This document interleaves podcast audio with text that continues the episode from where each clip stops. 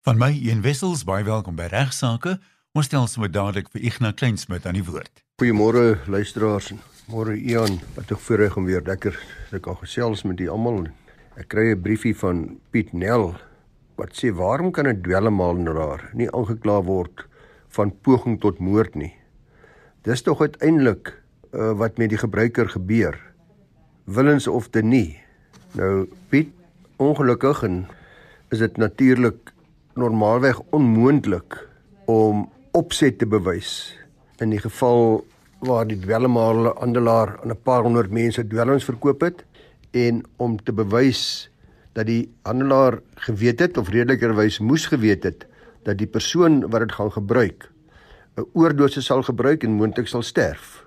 Want soos mense self sal besef 'n baie klein persentasie van dwelmgebruikers uh, sterf aan 'n oordosis en die oorgrootste meerderheid gebruikers se nagevolge is beslis nie afsterwe nie of ook nie dat hulle dalk moord pleeg of ander mense noodwendig benadeel nie. Baie dwelm gebruikers sal vir mense sê dat hulle ervaar inderdaad die teenoorgestelde, naamlik baie liefde teenoor die medemens.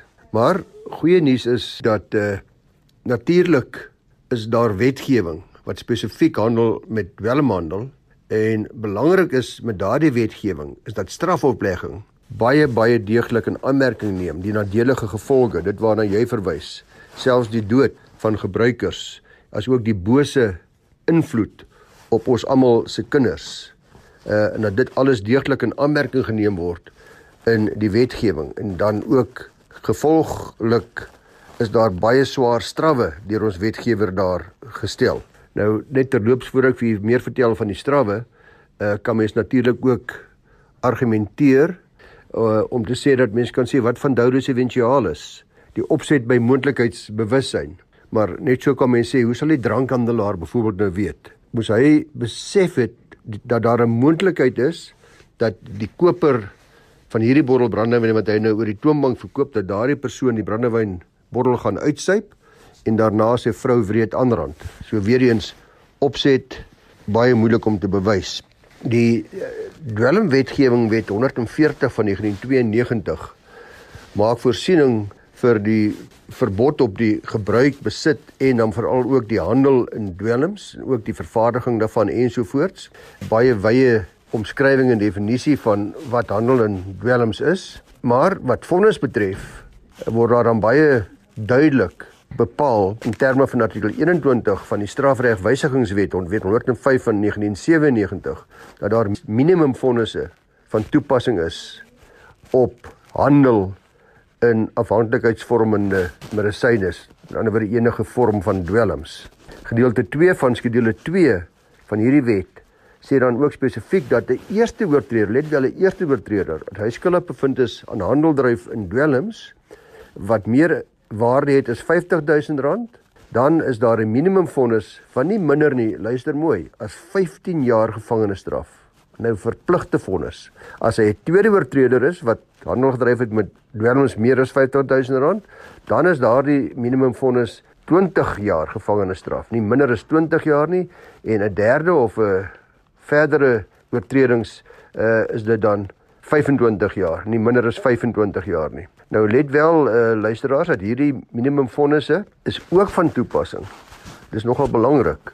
Hier word gepoog om bendes en syndikaate aan bande te lê waar 'n persoon of 'n groep persone skuldig bevind is aan onwettige handel in dwelms tot die waarde van R10000 en daardie persoon of groep persone of syndikaat uh, opgetree het met 'n gemeenskaplike doel of saamgewerk het In ander woorde, hier's ook baie duidelike poging van die wetgewer om om bendes aan bande te lê. Uh, en dan ook in daardie geval soos ek sê, is daar die 15 jaar of 20 jaar of 25 jaar van toepassing, maar dan is die bedrag nou net R10000 en nie meer R50000 nie. So hierdie minimumfondse sal normaalweg opgelê word deur ons streekshowe. Hulle handel gewoonlik met hierdie sake en let wel, dis slegs wanneer daar wesenlike en oortuigende omstandighede ter sprake is waar die landros geregtig is om af te wyk van hierdie minimum fondse. Luister weer, uh, daar moet substansiële wesenlike en oortuigende omstandighede wees. En dit is nogal baie moeilik vir die beskuldigdes om hulle van hierdie bewyslas te kwyt. En gewoonlik word die minimumvonnisse by dwelmhandel redelik rigied toegepas deur ons howe. Natuurlik sal die hof kyk na verskeie faktore wat strafverswarend uh, mag wees en, en natuurlik sal die hof in aanmerking neem wat die aardige gevolge is van dwelmhandel vir ons gemeenskap. Die hof sal ook beslis in aanmerking neem dat dit baie belangrik is dat daar 'n groot afskrikwaarde aan 'n vonnis moet wees om hierdie gevare van handeldryf in dwelms en die boosheid daarvan te probeer beveg. So Piet ja, alhoewel dit nie poging tot moord is nie, sal jy sien dat die strawwe regtig baie baie baie sterk streng strawwe is en in baie gevalle eintlik baie baie meer jare gevangenisstraf tot gevolg het as in baie gevalle van poging tot moord, veral omdat hier dan verpligte vonnisse is. Luister, daar's iets wat ek in al die jare nog nooit met u bespreek het nie, is wat moet 'n mens doen uit 'n regsoogpunt wanneer jou huislening afbetaal is? En toe kom ek af op 'n baie oulike nuusbrief van VDT prokureurs in Pretoria, as die van die Merwe, die twee prokureurs daar, en hulle het 'n paar mooi planne of gee baie goeie opsomming van wat die opsies is as u huislening afbetaal is. Eerstens sê hulle aan die kliënt wat hulle gevra het wat hy moet doen So die eerste ding is as jy jou finale paaiement in die bank betaal is om 'n groot bottel champagne oop te maak en dit te vier. En dan eers as die vieringe verby is, dan kan jy die ander opsies oorweeg. Uh maar belangrik, let daarop dat u huislening of u verband dan nie outomaties gekanselleer word soos baie mense dink net omdat jy jou finale paaiement betaal het nie. Jy het dan twee opsies. Die eerste een is hou jou leningsrekening by die bank oop, met ander woorde jou verband bly oop of natuurlik kanselleer dit by die bank. Nou baie mense wil dalk weer leen, byvoorbeeld 'n aanbouing ensovoorts. Dan kies hulle om hulle huishoudingrekening oop te hou, eh, want hulle kan dan daarvan gebruik maak en onttrek. Mense noem dit hulle flexierekening fasiliteit wat dan aan die huislening gekoppel is. Die voordeel daarvan om dit oop te hou is dat jy nie verdere koste sal moet aangaan om weer 'n verband of nog 'n verband oor die eiendom as sekuriteit te registreer. Sou jy byvoorbeeld 'n verdere lening wil hê om huisnap huisopknapping te doen of enige ander verbeteringe te befonds nie. Maar onthou jy sal steeds die maandelikse administrasiekoste van die bank. Dis die nadeel. Uh, en ook jou versekeringspolis moet betaal op daardie verband. En natuurlik as jy geld leen, sal jy die regulering moet terugbetaal. Uh, maar let ook daarop dat die bank die titelakte van jou huis sal hou totdat die huislening inderdaad gekanselleer is. Nou die tweede opsie is natuurlik om te kanselleer. Jy dan eerder met die bank wil paie skei en dan moet jy die volgende stappe neem. Eerstens moet jy vir die bank skriftelik kennis gee dat jy die huislening gaan kanselleer. Gewoonlik word daar 'n tydperk van 90 dae vereis in die in die verbandskontrak oor inkomste. Hulle sal dan vir hulle kansellasieprokureurs opdrag gee om hierdie huislening by die akteskantoor te kanselleer En onthou nou as jy nie vir hulle die 3 maande kennis tydperk van kansellasie gee nie, dan kan daar ook bykomende kostes by jou vereffeningsstaat gevoeg word. Tweedens, sal die kansellasieprokureur nou aan jou staat stuur met jou kansellasiesyfers en sê daar's nog soveel rand verskuldig vir kostes of rentes of wat ek nogal. En dit bestaan gewoonlik uit die vereffeningsbedrag wat nog uitstaande is en jy 'n paar maande se lewensversekeringspremies vooruit om voorsiening te maak dat die kansellasieproses in die akteskantoor kan afgehandel word. Ook baie belangrik is om te onthou dat in die geval van vroeë beëindiging Aan die woord ek skuld nog 'n miljoen rand, maar ek wil tog nou hierdie verband van ontslaa raak en ek gaan die miljoen rand nou maar betaal of die 50000 of die 100000 maak nie saak nie dan is dit baie moontlik dat daar in jou verbandsooreenkomste 'n klousule is wat ons van praat as 'n vroeë beëindigingsboete. En dit kan dan ook dan by die kansellasiesyfers gevoeg word. Sodra die kansellasiesyfers dan betaal is, dan sal die kansellasieprokureur dit by die akterskantoor indien om te, om die verband te kanselleer. Dan is jou huislening amptelik gekanselleer en die rekening by die bank gesluit. Jy kan in die titelakte van jou huis sal jy van die kansellasieprokureur ontvang En hierdie titelakte verteer jou eienaarskap en moet baie veilig weggebêre word asseblief want indien dit verlore raak. Ons kry so gereeld mense veral by boedels waar die titelaktes verlore is, nie behoorlik gebêre was nie. Dan is dit 'n hele rigmarole, 'n hele storie, het baie duur oefening om hierdie titelakte dan te vervang. Dit is belangrik om ook te onthou dat dit maar beter is om sonder enige oponthoud na kansellasie van jou verband seker te maak dat die versekeringsdekking gekanselleer is uh en om dit dan dis nou die verbandsversekeringsdekking dan seker te maak dat jou huis dan behoorlik verseker is en hy's nou klaar betaal as daar dalk nie versekerings is nie as jy dalk net verbandsversekering gehad het om onmiddellik behoorlike nuwe versekering vir die huis uit te neem maar weer soos ek altyd maar sê as jy onseker is oorweeg dit maar om u prokureur te nader of u bankier vir meer inligting oor die opsies. Vervolgens kry ek 'n skrywe van anoniem wat sê dat toe sy pa in 2006 oorlede is, het sy vader 'n testamentêre trust gestig. Hierdie trust het wel normaalweg gefunksioneer en volgens uh, die testament moes die vyf eiendomme wat hy besit het aan die trust oorgedra word. Dis nou by sy afsterwe. Hierdie eiendomme sê die luisteraar word verhuur en my ma, die oomblik 88 jaar oud, kry die huurinkomste. Dit is 'n gevolge onderlinge ooreenkoms van die trustees van hierdie trust. Uh dis die vier kinders as ook die ma self as die trustees van hierdie testamentêre trust wat gestig is en aan wie die eiendomme dan toegekom het. Dan sê daar's 'n bepaling in my pa se testament dat alle eiendomme na sy afsterwe aan die trust oorgedra moet word. Dis nou die vyf eiendomme. Dit het egter nie gebeur nie.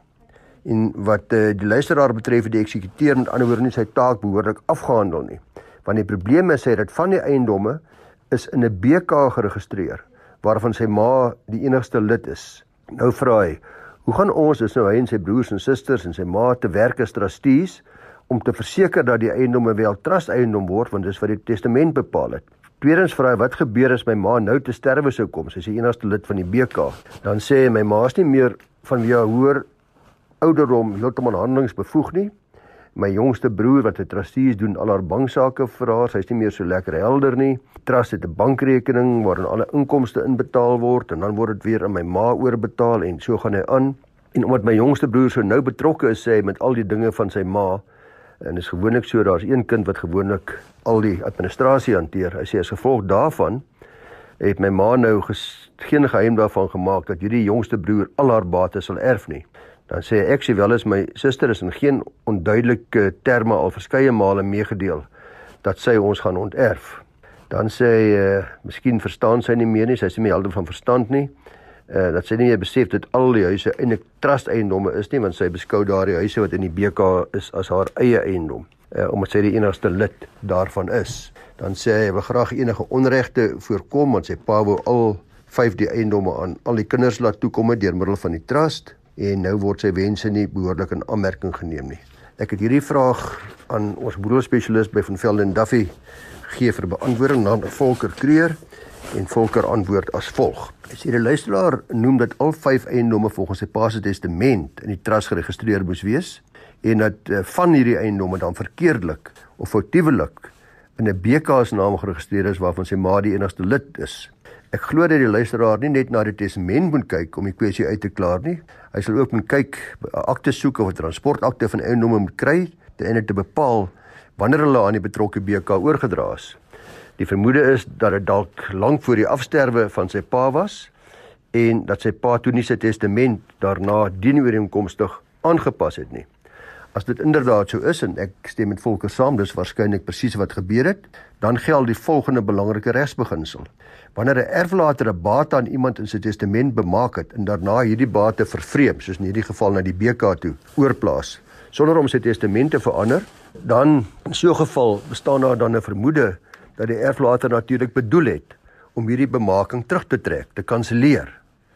As ek dus in my testament bepaal byvoorbeeld dat my oudste seun my geweer moet erf en ek verkoop dan voor my voor my afsterwe verkoop ek daardie geweer aan iemand anderste, dan natuurlik verval daardie bemaking aan my oudste seun.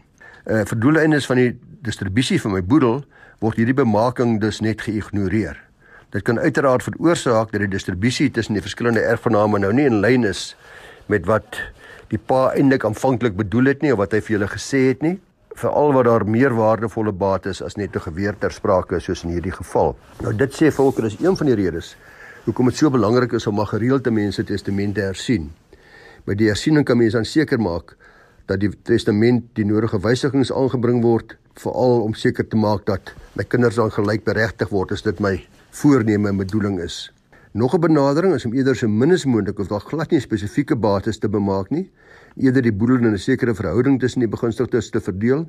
So byvoorbeeld kan die erflater se vyf kinders er, as erfgename in gelyke dele aanstel en dit aan die kinders oorlaat met behulp van die eksekuteur 'n herverdelingsooreenkoms van die bates daar te stel. Nou terug by die luisteraar se vraag. As dit uit die akte soek of in die transportakte dan blyk dat hierdie eiendomme wat in die BK se naam is inderdaad nog aan sy pa behoort het op datum van die afsterwe dan kan dit 'n probleem wees en die luisteraar sal dan maar liewers na 'n prokureur toe moet gaan om sy familie dan probeer ooreed of indien nodig te dwing deur 'n hofsaak uh, om die saak reg te stel. Maar dan kan natuurlik verjaring ook ter sprake kom, maar ek en ook Volker twyfel baie sterk daaraan of daar 'n fout met die oordrag van die eiendomme aan die BK was. Ek is seker daarvan dit is uh, sy pa wat voor afsterwe besluit het dat van hierdie eiendomme direk net aan die ma alleen gaan en nie na die trust toe nie en hy net sy testament daarna nie behoorlik verander nie. En uh daarom dink ek dat ongelukkig vir ons luisteraar kan sy ma in haar testament met daardie eiendomme wat aan die BK's behoort waarin sy die enigste lid is, maak net wat sy wil. Sy kan haar ledebelang in die BK laat vererf aan wie sy ook al wil en as dit dan nou net aan die jongste broer is, dan is dit nou maar so. Weereens gaan sien maar 'n prokureur om seker te maak dat u testament sê presies wat u graag wil hê dit moet sê. Kom ons hoor wat 'n regsvraag na volgende gaan beantwoord. Ek kry baie gereeld skrywes van uh, 'n luisteraar of meer wat duidelik uiters kwelsigtig is. Onder andere kry ek omtrent so eenmal per maand 'n handgeskrewe dokument van 'n luisteraar van omtrent as elke keer so 6, 7, 8, 10 bladsye wat duidelik 'n bietjie aan vervolgingswaansin lei. Die skrywe is gelukkig ook geadresseer aan slimmer mense as ek soos die staatspresident, verskeie ministers, ag, die ombudspersone en op die oog af is dit baie duidelik as mense hierdie skrywes lees dat van hierdie mense eintlik moontlik beter af sal wees om die skrywe te rig aan 'n sielkundige of 'n psigiater want ek is beslis te lig in die broek om hulle te help en ek glo so ook al die ander. Dan sal alle prokureurs ook bevestig en kan getuig daarvan dat ons gereeld van tyd tot tyd kliënte teekom wat 'n obsessie het om te litigeer of te prosedeer. En wat 'n nagmerrie dink ek moet dit wees as so 'n persoon jou buurman of buurvrou word of as so 'n persoon jou die teiken maak van verskeie beselagtige eise kan die lewe bitter onaangenaam maak. Nou kwelsigtige litigante is mense wat aanhoudende regsaksies instel in gevalle waar daar eintlik geen meriete in hulle saak is nie of waar die saak eintlik de minimis is van sulke geringe waarde dat mense nie verwag om daaroor te litigeer nie. Nou die doel met hierdie aanhoudende sake is gewoonlik maar om die ander party te frustreer, te tuister, moedeloos te maak. Maar gelukkig het ons wetgewer en, en so ook oor die hele wêreld al baie eeue terug kennis geneem van hierdie tipe mense. En in ons land is daar in 1956 reeds 'n wet uitgevaardig waarin daar spesifiek voorsiening gemaak word vir die beskerming teen lastige, kwelsigtige litigante. Die Vexatious Proceedings Act maak voorsiening daarvoor, dis die wet van 1956, dat 'n persoon kan aansoek doen by 'n hof vir 'n bevel om iemand anders as 'n kwelsigtige litigant te verklaar. Artikel 2 van hierdie wet bepaal dat die hof kan beveel dat hierdie litigant, hierdie kwelsigtige, geen verdere regsaksie teen die applikant mag instel sonder om vooraf eers toestemming of verlof vanaf die hof te vra nie. En natuurlik sal die hof slegs verlof gee indien die hof van mening is dat die voorgestelde aksie nie 'n misbruik is van die hofproses nie en dat daar by oog af goeie gronde vir die aksie is. Met ander woorde dat dit nie kwelsigtig is nie. So kwelsigtige litigante luisteraars maak dikwels ook gebruik van arbeidswetgewing. Werknemers wie se afdanking as regverdig beskou word, soos ons weet, word deur die KMVA, dit is die CCMA, gehanteer en hulle is dan geneig om gewoonlik die besluit op hersiening te neem. In ander woorde, hulle is nooit tevrede met enige besluit nie. Dit word op hersiening geneem na die arbeidshof. En hierdie hersieningsproses word dan ook dikwels misbruik deur werknemers wat daartoe lei dat werkgewers uh as ook die die KMVA en die arbeidshof regtig oorlaai is met onnodige hersieningsaansoeke uh deur werknemers uh wat hierdie proses misbruik.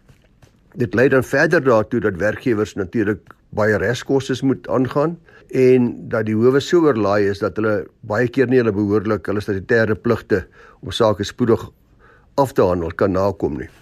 Nou die arbeidshof se praktyksreëls het uh, hiervoor voorsiening gemaak omdat hulle besef het hulle daar 'n probleem en in spesifiek sê die praktyksreëls dat indien alle pleitstukke nie binne 12 maande na die aansoek gebring is geleaseer is nie, word dis nou waar 'n hersieningsaansoek gebring is, word die leer net afgaan as afhandel beskou na die argief na die argief gestuur. Nou dikwels dan moet dit 'n gante dan eers aansoek doen vir die leer, maar wanneer die leer dan eers na die argief gestuur is as gevolg van kwelsigtigheid, moet hulle te gaan dan 'n substansiële aansoek bring om dan weer voort te gaan met hierdie saak. Dat te gaan sal ook baie goeie redes moet aanvoer hoekom die saak weer dat oop moet word, want dit sal geag word dat dit van die hand gewys is wanneer dit so na die argiewe gestuur is. Dus hier is maar een voorbeeld van 'n hof wat 'n spesifieke plan gemaak het om mense wat net aanhou kla en prosesse deurvoer om hulle dan sê as hulle nie binne 12 maande die proses heeltemal gefinaliseer het nie, dan word dit beskou as afgehandel. Dis maar net in hierdie geval werknemers wat daai remedie tot hulle beskikking het, maar luisteraars oor die algemeen, al wat ek maar net van van hierdie program se kant af kan sê is as u die slagoffer is van ek welsigtig litigant, is daar darm 'n aansoek wat u kan bring in terme van hierdie wet om daardie welsigtige litigant se litigasie lus in die kiem te smoor. Ek het onlangs in netwerk 24 gelees van 'n dame wat 'n besering opgedoen het in Kliks toe 'n lugversorger se plaat op haar kop geval het. En ek het toe vir Esmerie McKelligan hier by ons op 'n wakker jong prokureur by van Velden Duffy gevra om bietjie vir my te gaan vasstel wat hier gebeur het en bietjie meer vir ons luisteraars daaroor te vertel. Die dame het eh, 'n uh, dagvaarding uitgereik teen die maatskappy wat die lugversorger in stand moes hou. En dit bring mense natuurlik sê Esmerie by die vraag Wat staan jou te doen as jy 'n besering in 'n winkel opdoen? Dink maar byvoorbeeld aan die geval waar die vloer in 'n winkel nat is of wat olie uitgeval en iemand gly en gevolg daarvan sal jy altyd slaag met 'n eis vir skadevergoeding teen die winkel en in watter omstandighede is dit die moeite werd om met so 'n eis voort te gaan? Nou wanneer beserings in 'n winkel opgedoen word en dit gebeur baie gereeld, ons het baie kliënte oor die jare heen en ek het baie sulke sake self hanteer is daar verskeie forme van skade wat moontlik geëis kan word. Byvoorbeeld verlies aan inkomste, mediese uitgawes, pyn en lyding ensovoorts. Maar belangrik, die eiser sal nalatigheid aan die kant van die winkel of die verantwoordelike party in hierdie geval was dit nou die maatskappy wat die lugversorgers in stand moes hou, moet bewys ten einde te slaag met sy of haar eis. Hierdie nalatigheidstoets dan gevind word in verskeie sake en is maar die verwys Daar 'n bekende saak, die 1966 saak van Kruger versus Kutse, waarin hierdie toets wat al baie jare toegepas word, weer behoorlik as volg uiteengesit word. Nalatigheid in hierdie geval deur 'n winkel of wie ook al ontstaan as die redelike persoon in die skoene van die verweerder. Ons praat nou hierso van die winkeleienaar of die kontrakteur wat die lugversorgers in stand moet hou. As hierdie persoon of maatskappy die redelike moontlikheid dat sy of haar gedrag skade kan veroorsaak sou voorsien het en tweedens redelike stappe sou geneem het om hierdie skade te vermy en dan as so 'n persoon versuim het om sulke stappe te neem om die skade te vermy, dan is daardie persoon nalatig. Dis nou weer eens of dit die winkeleienaar is of dit die hondeeienaar is of dit die persoon is wat die lugversorging in stand moet hou. Nou wanneer dit by winkels kom, het die hof in 'n baie bekende saak van 1998 Props versus Pick n Pay Retailers Eienaars Beperk bepaal dat die plig wat op winkels rus om redelike stappe te neem om 'n nat vloer skoon te maak, nie so erg is, nie so swaar is dat daar van 'n winkel verwag word om elke keer wat iets op die vloer mors, dit onmiddellik skoon te maak nie. Dit is net nie prakties uitvoerbaar nie. Dit word wel vereis dat die winkel 'n behoorlike stelsel in plek het wat sal verseker dat enige vuilheid of mors of olie of water nie 'n moontlike gevaar sal inhou vir 'n onredelike lang tyd nie. So binne 'n redelike tyd moet dit uh, vinnig herstel word en skoongemaak word en sê die hof dus dat vuil vloere binne 'n redelike tyd raak gesien en skoongemaak moet word en as die so stelsel in plek is, dan natuurlik sal daar nie nalatigheid aan die kant van die winkel wees nie. Die vraag wat dus ontstaan in eise teen 'n winkel, is of waar so 'n stelsel in plek is en dit sal verskil van geval tot geval.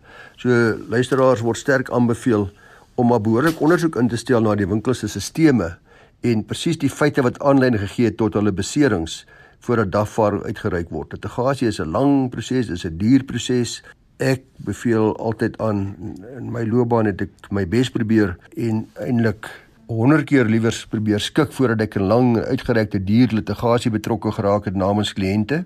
Behalwe natuurlik as dit nie anders kan nie. En indien die bedragskade wat jy eis nie substansieel is nie en daar nie ernstige beserings is nie of daar nie redelike kans op sukses is nie, dan moet daar liefs gepoog word om die saak in termine op te los. Winkels het dikwels versekerings wat hierdie gevalle dek en die meeste groot supermarkte en kettingwinkels het almal sulke versekerings en is hulle heeltemal bereid om te luister na 'n redelike versoek om 'n skikking te bereik wanneer wanneer hulle dan 'n eis ook teen hulle versekeringsmaatskappy instel. Baie dankie Ignas, dis alwaar vir ons vandag gaan tyd hê. Onthou jy kan jou vrae vir beantwoording in toekomstige programme direk na Ignas stuur. Sy e-posadres is igna@ffd.co.za. En as jy nie maandag 11:30 na regsaake kan luister nie, elke regsaake program is ook as potgooi beskikbaar op RSG se webwerf rsg.co.za. Moedig op tot volgende week.